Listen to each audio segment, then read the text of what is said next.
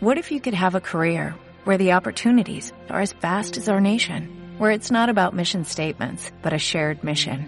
At U.S. Customs and Border Protection, we go beyond to protect more than borders, from ship to shore, air to ground, cities to local communities. CBP agents and officers are keeping people safe. Join U.S. Customs and Border Protection and go beyond for something far greater than yourself. Learn more at cbp.gov/careers. Bon dia a tots i a totes. Són les 12 del migdia. Benvinguts un cop més al Gronxador.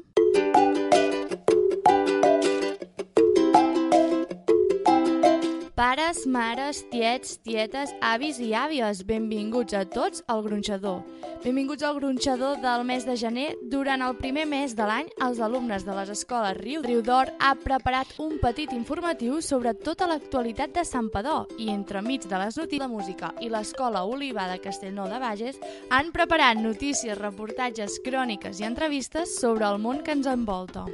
En el programa d'avui, els alumnes de l'escola Riu d'Or ens han preparat un noticiari sobre l'actualitat del poble i uns poemes relacionats amb el fred d'aquests dies.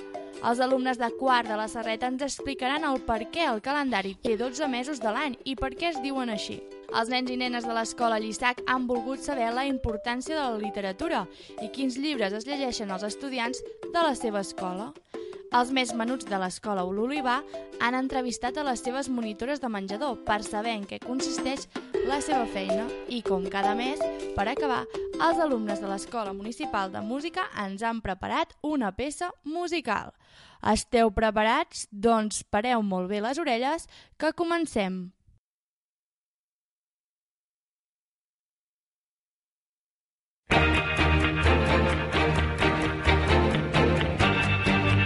Cavalcata de Reis. Aquest any a Sant Padó, el dia 5 de gener, com cada any, van arribar els Reis d'Orient. Per rebre'ls, van fer una cavalcada pel poble. Alguns dels nostres vam participar i vam fer-ho, vam haver d'inscriure's a l'Ajuntament, on ens van demanar quin personatge volien fer, si volíem anar en una carrossa o en un cotxe o caminant. El dia de la cabalgada vam haver d'anar abans a Can Llobet per preparar-nos i explicar-nos què hauríem de fer durant la rua. Alguns de nosaltres ens van donar caramels per repartir-los entre els nens i nenes mentre els altres saluden. L'ambient va ser molt maco i fred. La màgia d'aquella nit ens va transmetre alegria i felicitat. Un cop acabat la ruta vam tornar a Can Llobet, i ens vam convidar fer moltes coses. Bàsquet, anar en bicicleta, muntar a cavall... Les festes de Nadal a Sant Padó. Durant aquestes festes de Nadal, a Sant Padó s'han organitzat diverses activitats per celebrar-ho, com el pessebre vivent, la cavalcada de Reis o l'obra de teatre dels Pastorets. El pessebre vivent de Sant Padó va tenir lloc el passat diumenge 25 de desembre.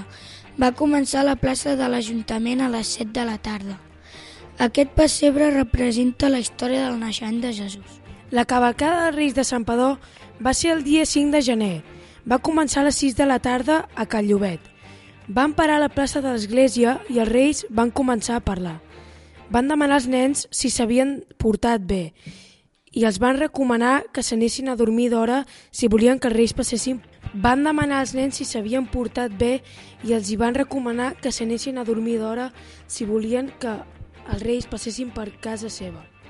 Quan van acabar de parlar, van anar a Can Llobet. Un cop allà, els reis van repartir els regals als nens del poble. El dia 26 de desembre i el 6 de gener es van fer a Sant Padó els pastorets de folk i todes. Alhora hi ha dos pastorets que la seva àvia els hi explica una rondalla sobre la vida de l'infant Jesús. A mitja rondalla s'adormen i somien amb els dimonis. La part que més m'ha agradat és quan han somiat amb els dimonis. Abans de la segona part, Josep i Maria es casen.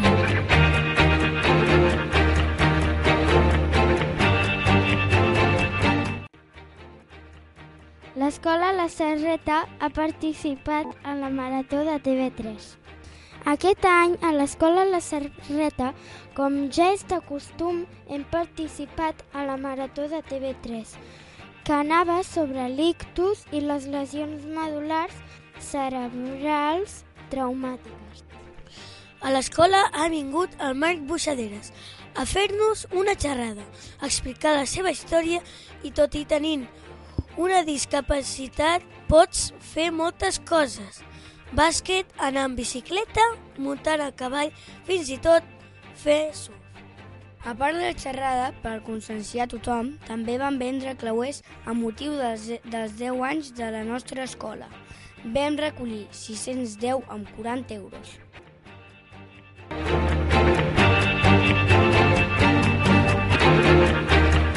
USA Pimples Right to Isaac students.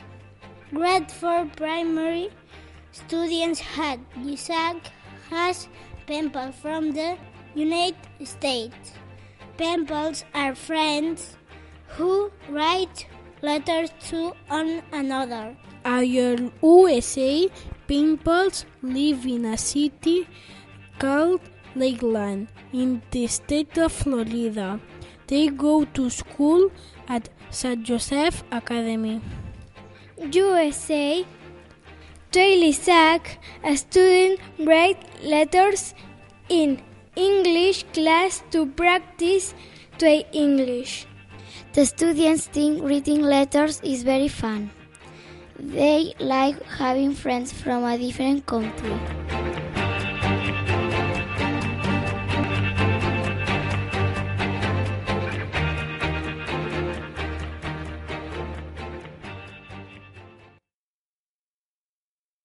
L'Escola Riudor ha preparat un petit informatiu sobre tota l'actualitat de Santpedor i entremig de les notícies reciten uns poemes sobre el fred. Escoltem, escoltem. Notícies. Escola Riudor. Del butlletí digital municipal. La regidora d'Acció Social i Sanitat, Laura Terradellas, ha explicat que Santpedor se suma a la campanya del Fons de Cooperació l'Ajuntament de Santpedor i l'acollida a Catalunya. Notícies. Escola Riudor. Podria la població refugiada en trànsit a Europa, víctima dels conflictes armats, a l'àrea de la Mediterrània. Per garantir que el suport econòmic del municipi arriba al seu objectiu, els diners s'han donat al Fons Català de Cooperació al Desenvolupament, que des del 2013 té oberta una campanya específica per a donar resposta a l'èxode massiu de refugiats cap a Europa. En concret, aquesta iniciativa té quatre eixos. L'assistència... Quan batem una clara d'ou i agafa consistència, diem que està de l'acollida. I l'acollida a Catalunya. Notícies. Escola Riudor. Podries... Podries... Si haguessis nascut en una altra terra, podries ser blanc, podries ser negre. Un altre país fora casa teva. Podries dir sí en una altra llengua. T'hauries criat d'una altra manera. Més bona, potser. Potser més dolenta. Tindries més sort o potser més pega. Tindries amics i llocs d'altra mena. Duries vestits de sac o de seda, sabates de pell o tosques per denya. O aniries nu, perdut per la selva. Podries llegir contes i poemes, o no tenir llibres, ni saber de lletra. Podries menjar coses llamineres, o només crostons eixos de pa negre. Podries, podries... Per tot això, pensa que importa tenir les mans ben obertes i ajudar qui ve fugint de la guerra, fugint del dolor i de la pobresa. Si tu fossis nat a la seva terra, la tristesa d'ell podria ser teva. Podries... Joana Raspall.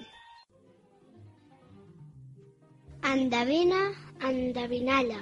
Tot es vesteix de blanc, amb la meva arribada, fent-ne boles i ninots i juga, s'entreté, es distreu, la mainada. Sabeu què és? Tot es vesteix de blanc, amb la meva arribada, fent-ne boles i ninots, es distreu, la mainada. La neu. Sí, la neu. La neu. Que és... Per què l'agost es diu agost? Qui va decidir aquests noms? Totes aquestes preguntes ens les contesta... A punt de neu. A punt de què? De neu. Ah, què és a punt de neu? Quan batem una clara d'ou. I agafa consistència. Diem que està a punt de neu. Ara sí que està clar. Sí, blanc com la neu. La neu. La neu és aigua gelada. Que cau dels núvols. És formada per cristalls petits de gel en forma de trossets blancs i tous que es diuen flocs o volves. La neu de les muntanyes és una valuosa reserva d'aigua. Fa molts anys era utilitzada per fer refrescos i també per combatre la febre i es portava des de la muntanya amb bases i tapada amb palla. Actualment es relaciona amb els esports d'hivern, esquí, surf de neu, raquetes de neu, fins i tot si no quan les urpes de l'hivern t'han deixat sense cap fulla i el temps ha teixit una tara fred, la neu, la neu, la neu, la neu. Cal saber, en cas de nevada, Sí, en cas de nevada, no retireu la neu dels bancals de l'hort, perquè la neu es converteix en una protecció contra les gelades intenses. actua com una manta. que abriga les plantacions.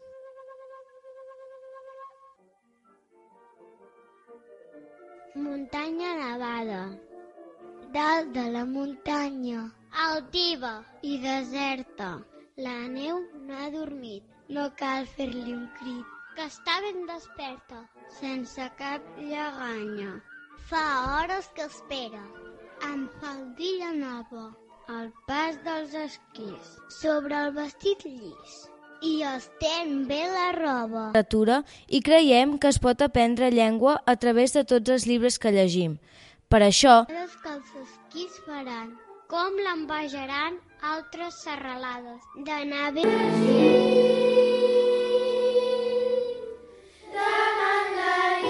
Muntanya nevada. Joana Raspall. Vol dir, l'aigua s'ha de glaçar. Si és un bon gener, és clar. És ben bé així. Sí. Què? De què parleu? Del gener. Que és bo si glaça l'aigua al calder. Ah, per mi està bé. Que sigui, doncs, un bon gener. Que glaci l'aigua al calder.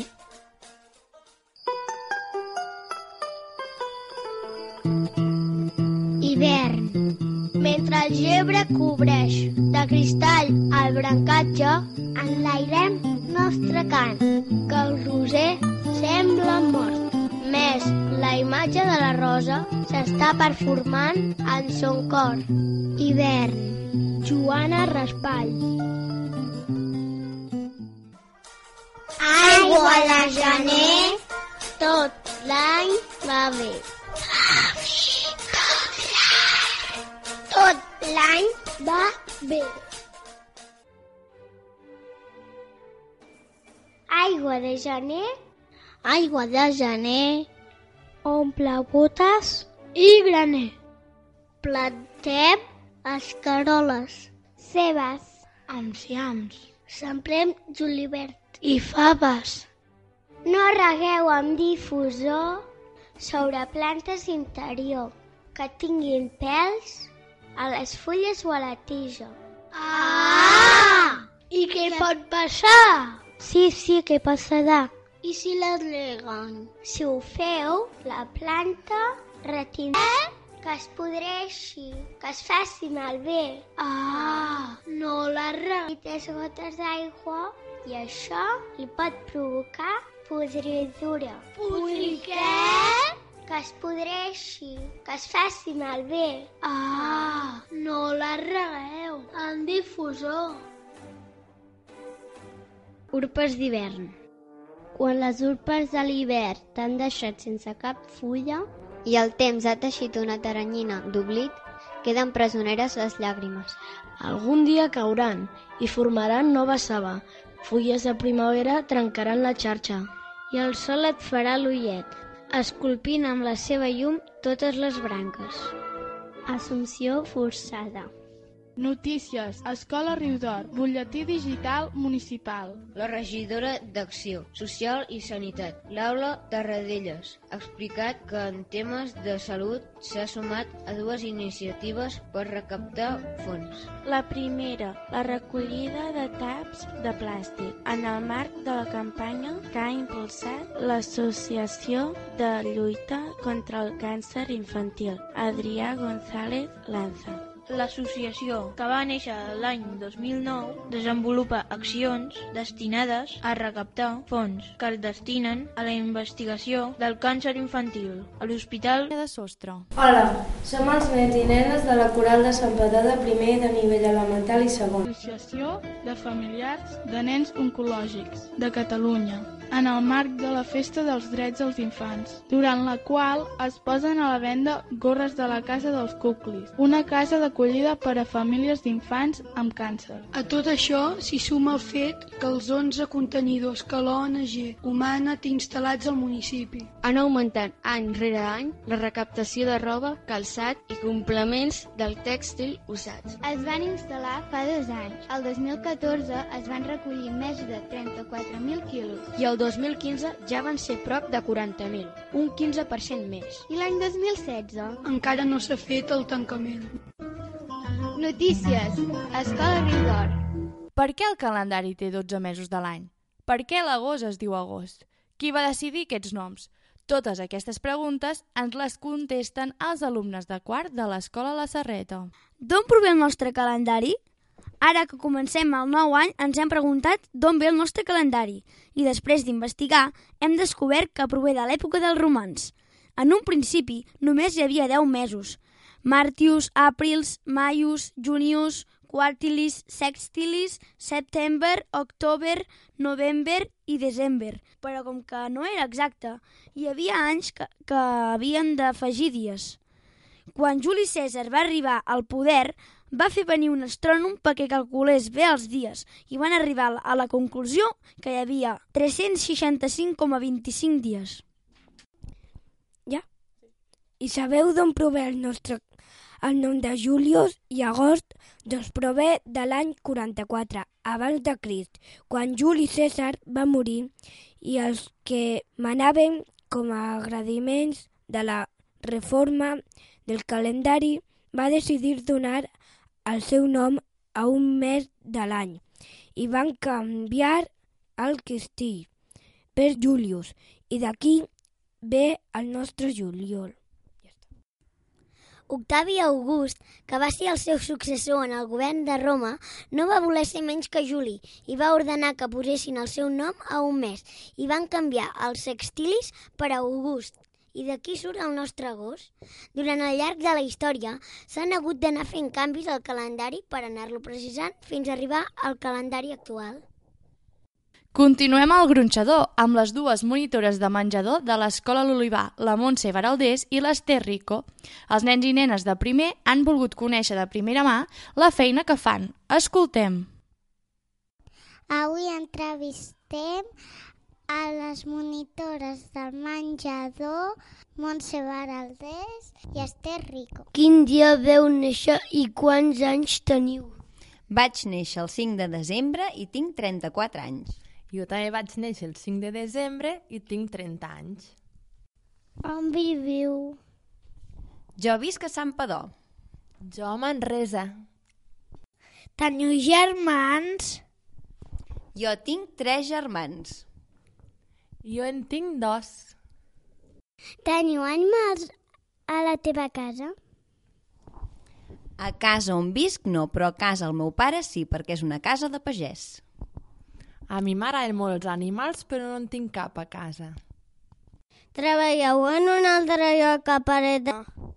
Eh, esperem que aquest 2017 puguem veure molts... Jo faig classes de reforç a nens. Us agrada treballar al menjador de l'escola? A mi m'agrada molt, m'ho passo molt bé amb vosaltres. A mi també m'agrada molt, m'ho passo pipa. És vol menjar que fan les cuineres? Com que jo dino cada dia aquí a l'escola, trobo que sí, que és molt bo. Oh, tant, està boníssim. Us agrada l'olor de... de diverses formacions corals de Manresa i comarca interpret... Aquestes cuineres. Ens agrada cuinar a casa? Jo a casa no cuino gaire, m'agrada més menjar-me'l. Jo tampoc m'agrada gaire cuinar, però tot i així em toca cuinar. Quin és el menú de menjar que us agrada?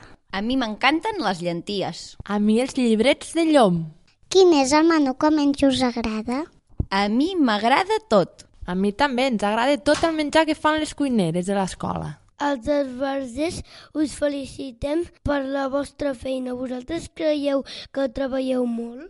De fet, hores potser no són gaires, però quan hi som tenim molta feina. Estic amb la Montse, treballem poquet, poquetes hores, però tenim bastanta feina. És difícil fer aquesta feina? És una feina que requereix concentració, perquè hem d'estar al cas de moltes coses, però sobretot, sobretot, és molt divertida. Havíeu treballat en una altra escola? Jo no, a l'única escola que he treballat és a l'escola L'Olivar. Jo treballar en una, una altra escola no, el que vaig fer és fa, vaig, vaig fer un voluntariat en una escola de Barcelona. Moltes gràcies per aquesta entrevista. Gràcies a vosaltres. Ha estat un plaer, gràcies a vosaltres. Més rere més, els alumnes de l'Escola Municipal de Música ens preparen una cançó. Aquest programa ens interpreten l'Aranya de Sostre. Hola, som els nens i nenes de la Coral de Sant Padà de primer de nivell elemental i segon. Us cantarem una cançó que es diu L'Aranya de Sostre. Aquesta cançó parla d'una aranya que té molta gana i ens explica què menja cada part del dia. El seu compositor és Josep Vila Casanyes i el text és de Miquel Desclot. Esperem que us agradi. Els nens i nenes de la Coral de Sant Padó.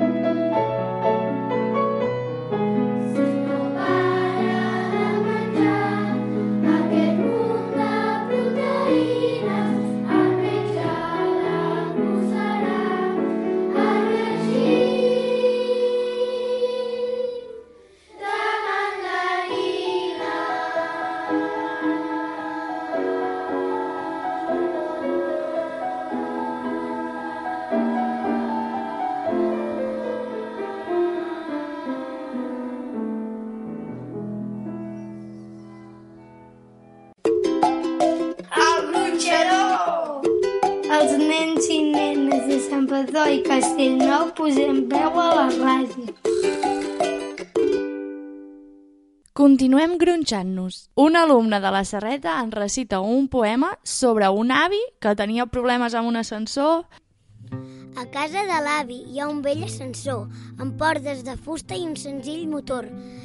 Pitges per cridar-lo, un botó vermell. Sonen les, les cadenes com un cascavell. Qui va per l'escala et pot saludar. A veure qui arriba primer al replà. El llibre de la selva, Maricel, Don Quijote... Són alguns dels llibres que llegeixen els alumnes de l'escola Llissac. Literatura a l'escola Llissac. A l'escola Llissac ens agrada molt la literatura i creiem que es pot aprendre llengua a través de tots els llibres que llegim. Per això, tots els continguts que es treballen com el vocabulari, la comprensió, l'escriptura, l'ortografia, es treballen a partir dels llibres, prèviament escollits pels nostres mestres i que expliquen històries que són maques o tenen un significat que val la pena conèixer. La Marta Hoder és l'encarregada d'explicar els contes a infantil. Ella explica als més petits contes clàssics catalans, com per exemple La caputxeta vermella, Els tres porquets, a P4 i a P5 fan uns mètodes diferents que els de P3. Explica contes dels sentiments. També, a P5, explica faules, contes segons l'estació de l'any o les festes. Perquè els nens estiguin atents, els fa interactuar amb titelles, música, balls... Us explicaré un conte que parla de l'emoció de la ràbia i es titula La cua del drac. Una vegada, en una casa, hi vivia un nen que es deia Xavier i esperava que la seva mare arribés de comprar. Quan la mare va comprar, va arribar carregada amb les verdures, les fruites, i el Xavier de seguida li va demanar «Mare, mare, m'has comprat gomes de colors? D'aquelles que em faig col·lecció?» I la mare li va respondre «No, Xavier, en tens un munt, encara vols més gomes? No pot ser cada dia comprar-te gomes». Això al Xavier no li va agradar gens i es va enfadar. Va tancar els punys, va serrar les dents i va començar a picar de peus a terra tan fort que li va sortir una cua de drac i la cara se li va tornar tota vermella.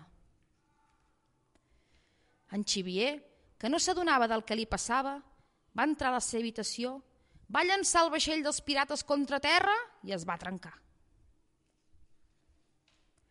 El vaixell trencat va anar a parar al racó de les joguines trencades i al sortir per la porta el Xavier va donar un cop de cua. Aleshores, va decidir de provar de rodolar pel passadís tot sol i va agafar tots els coixins que hi havia per casa, de l'habitació, del sofà, del seu llit, i va construir una baixada de coixins. Volia rodolar tot fent tombarelles, però aquella cua que tenia darrere el cul li molestava. Tot i així ell es va llançar cap avall, coixins avall. El seu pare, al sentir tan rebombori, va sortir a veure què passava. Xavier, però què té aquest escampall de coixins? Es pot saber què estàs fent? El pare el va renyar i li va dir ja pots endreçar els coixins i tornar-los al seu lloc. Això no li va agradar gaire al Xavier i es va enfadar encara més. Es va enfadar tant que va pujar les escales cap a la seva habitació donant cops de peu. I va anar a buscar l'última última joguina, però no n'hi quedava cap. La volia llançar, però com que no n'hi havia, es va enfadar encara més. Es va llançar a terra, va començar a picar de mans i de peus mentre cridava tot fort. I sense adonar-se'n, de sobte es va fer fosc. En Xavier, sorprès, va parar de cridar. Es trobava en, un, en una cova. Al fons va veure una llumeta i va sentir unes veus. Eh, què farem aquí? No sé, perquè no sortirem d'aquí, no sé, no sé. En acostar-s'hi, va veure les seves joguines. Les seves joguines que parlaven. Jo no tinc cabells, ja no sóc una nina bonica.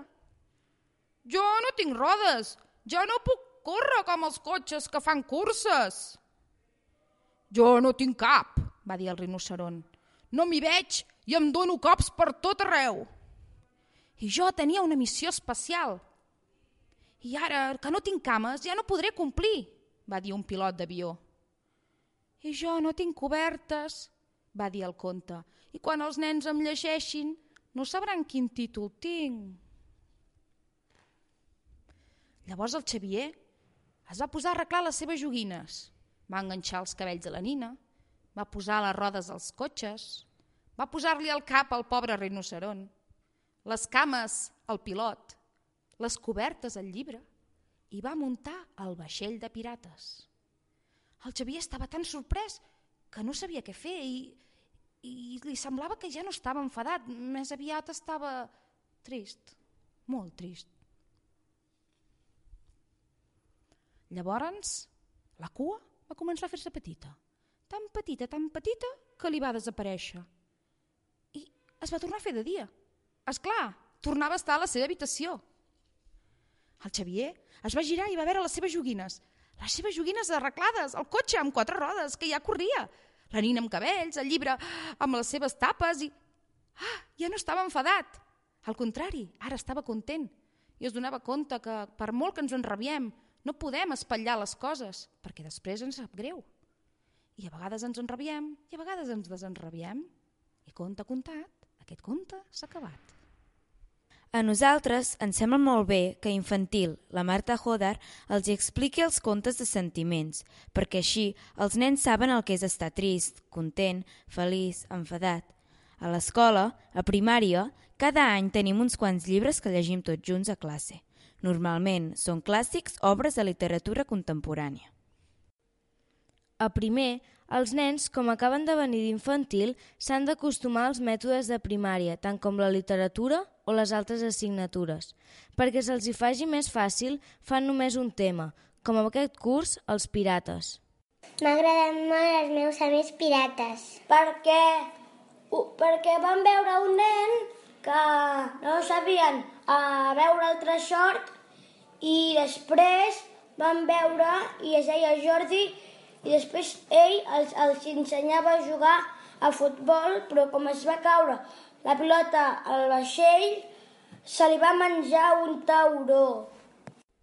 De segon a sisè llegim dos llibres en català i dos en castellà durant tot el curs.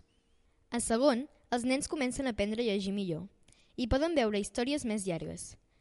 El llibre en català que llegeixen es titula Tapallunes. M'ha agradat molt el gripau vermell, perquè un dia um, el gripau vermell van, um, va néixer amb una bassa que, i, i era vermell i els altres eren negres i, i no el van voler perquè era, era vermell. I un dia pensava, bueno, quan tingui les potes ja sortirà, ja en sortiran negres. I li van sortir vermelles. Però, I després va aprofitar i se'n va anar a un lloc molt lluny, que allà tots li agradaven el vermell. I va dir, va, li va preguntar una Marieta, a tu no, no et desagrada que, que siguis d'un color així tan lleig? I li va dir, va riure i li va dir sí, és el color més maco, perquè llavors d'això veia que, tot, que tot, passaven moltes persones i només volien el vermell. I va tornar a la base i va veure que i els va explicar a tots els gripaus que era el color el, el, el més guapo perquè um, ells no havien sortit de la base i no sabien res de res. I el de castellà, el perro que buscava les estrelles. El perro que buscava les estrelles. Un dia, ai, m'ha agradat perquè el gos va pensar que les faroles eren estrelles i per, però no eren estrelles, eren les faroles. I llavors, quan va anar a dalt d'una muntanya, va veure tantes llums de cotxes que va pensar «Uau, quantes llums!» I llavors algú es pensava que eren les estrelles, però eren les, les llums dels cotxes. A cicle mitjà, els nens llegeixen llibres d'aventures, com a tercer, que estan llegint en català, el llibre de la selva i en castellà, Érase una vez Don Quijote. A mi m'ha agradat molt el llibre de la selva perquè els personatges i els noms eren molt xulos. A mi me ha gustado el de, el de Don Quijote porque daba mucha risa y era muy gracioso. A quart, llegeixen Sandokan en català y en castellà La telaraña de Carlota. El libro que más me ha gustado que, estamos leyendo, que hemos leído es el de La telaraña de Carlota porque es más tradicional y es como más profundo. A cicle superior, els nens ja no llegeixen tant aventures i comencen a entendre el fons dels llibres, el que l'autor vol explicar. A cinquè, llegeixen Les mil i una nits en català i en castellà El mago de Oz. A mi m'ha agradat el llibre del Xaperut perquè un dels seus capítols, el lloro fidel, eh, el, llo, el lloro dient amb la fidelitat va ser recompensat amb la mort i no em va semblar gaire bé. I a sisè llegim Nàrnia en català i Pinotxo en castellà.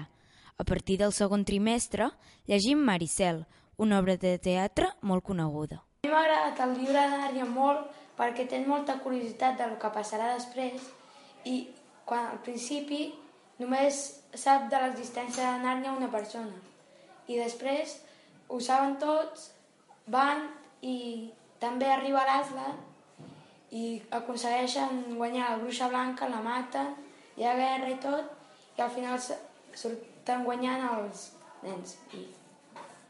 A cicle inicial, ens sembla molt bé que tinguin una altra metodologia diferent que li la literatura de la resta de primària, perquè així s'adaptin millor. També ens sembla molt bé que nosaltres, sisè, llegim obres en forma de teatre, perquè així podrem aprendre noves formes de literatura i podrem aprendre a expressar-nos millor.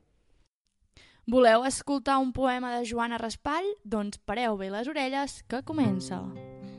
El gosset, poema de Joana de Raspall. Un gosset de casa bona amb collal, placa i morrió. Cada dia es passejava presumit amb el senyor. Era net com una plata i amanyac amb els infants. Educat que fins sabia adreçar-se als pipicans.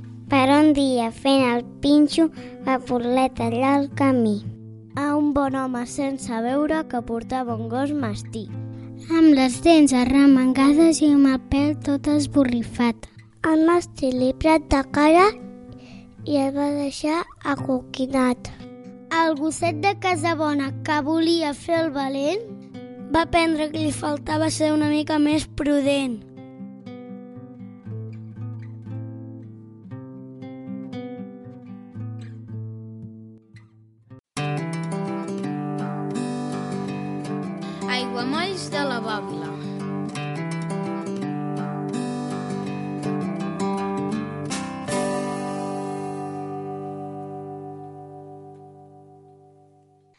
Durant el 2016 s'han anellat un total de 887 ocells de 62 espècies, com el cas de l'oraneta, com l'oraneta cua blanca, el rossinyol, el pirroig, el tallarol de casquet, el mosquiter, el pardal i d'alt. També s'han controlat 262 aus del mateix any o d'anys anteriors.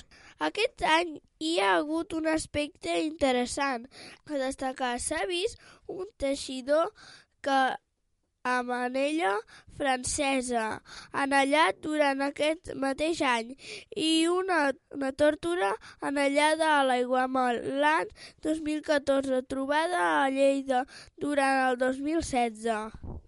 Eh, esperem que aquest 2017 puguem veure molts més espècies. Aiguamolls de la Bòbila.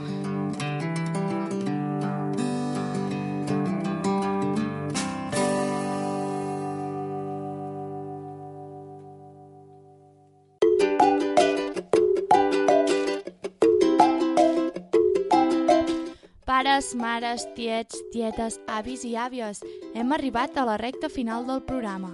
Des del gronxador volem agrair tota la feina que fan els nens i nenes de les escoles Riu d'Or, Llissac, La Serreta, l'Escola Municipal de Música i l'Olivar.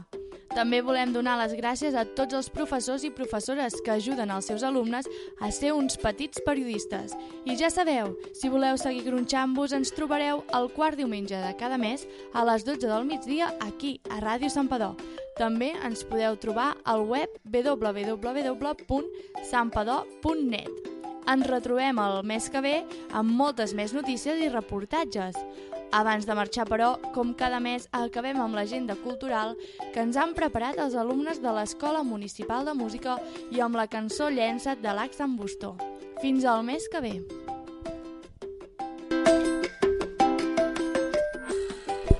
Cantagram Totem, dia i hora, diumenge 5 de febrer a les 12 i diu, diumenge 5 de febrer a les 18. Lloc, Cursal, Sala Gran, preu 8 euros. Música, Gerard Pastor. Guió, text i lletres, Pilar Cabot. Direcció musical, Oriol Castanyer. Solistes, Maria Santa Llucia i Xavier Fernández. Cors que hi participen. Coral L'Amistat de Cardona, Coral de Casal de la Gent Gran de Manresa, Tallers Gent Gran de l'Ajuntament de Manresa, Les Veus de Castellnou de Bages, Cor, cor Obert de l'Orfeó Manresà. Un any més, i aquest ja serà el tercer, us presentem un concert amb uns protagonistes entranyables.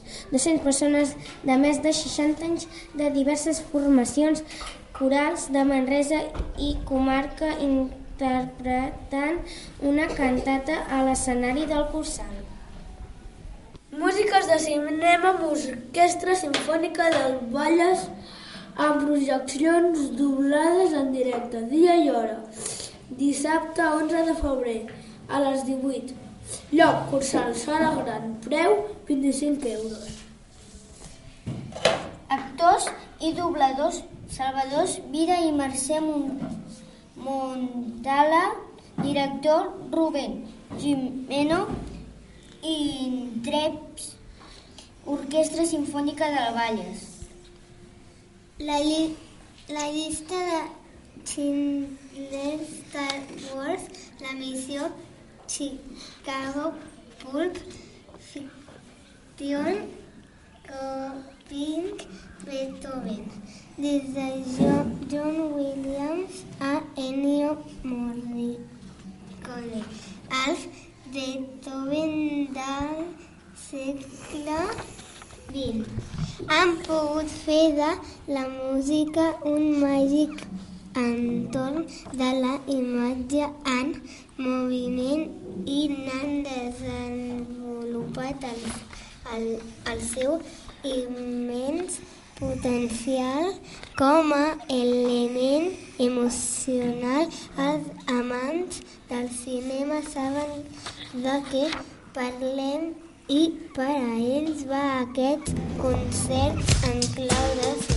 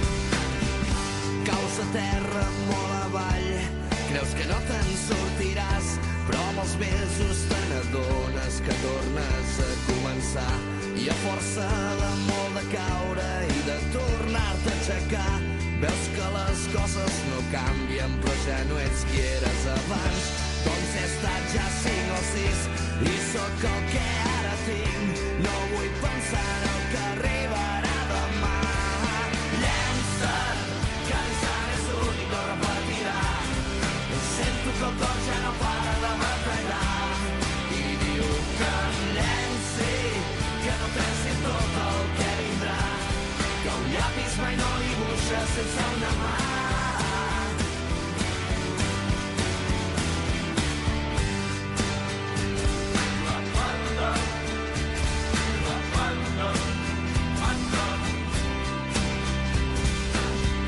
I perquè els meus pensaments que sempre viuen en present no conjuguen altres temps que el ja faré el que no vaig fer doncs avui o potser demà seré aquí o seré per allà. Seré un tros de l'univers que no nota el pas del temps. El que faig a cada instant és la força que em fa gran. No vull pensar en el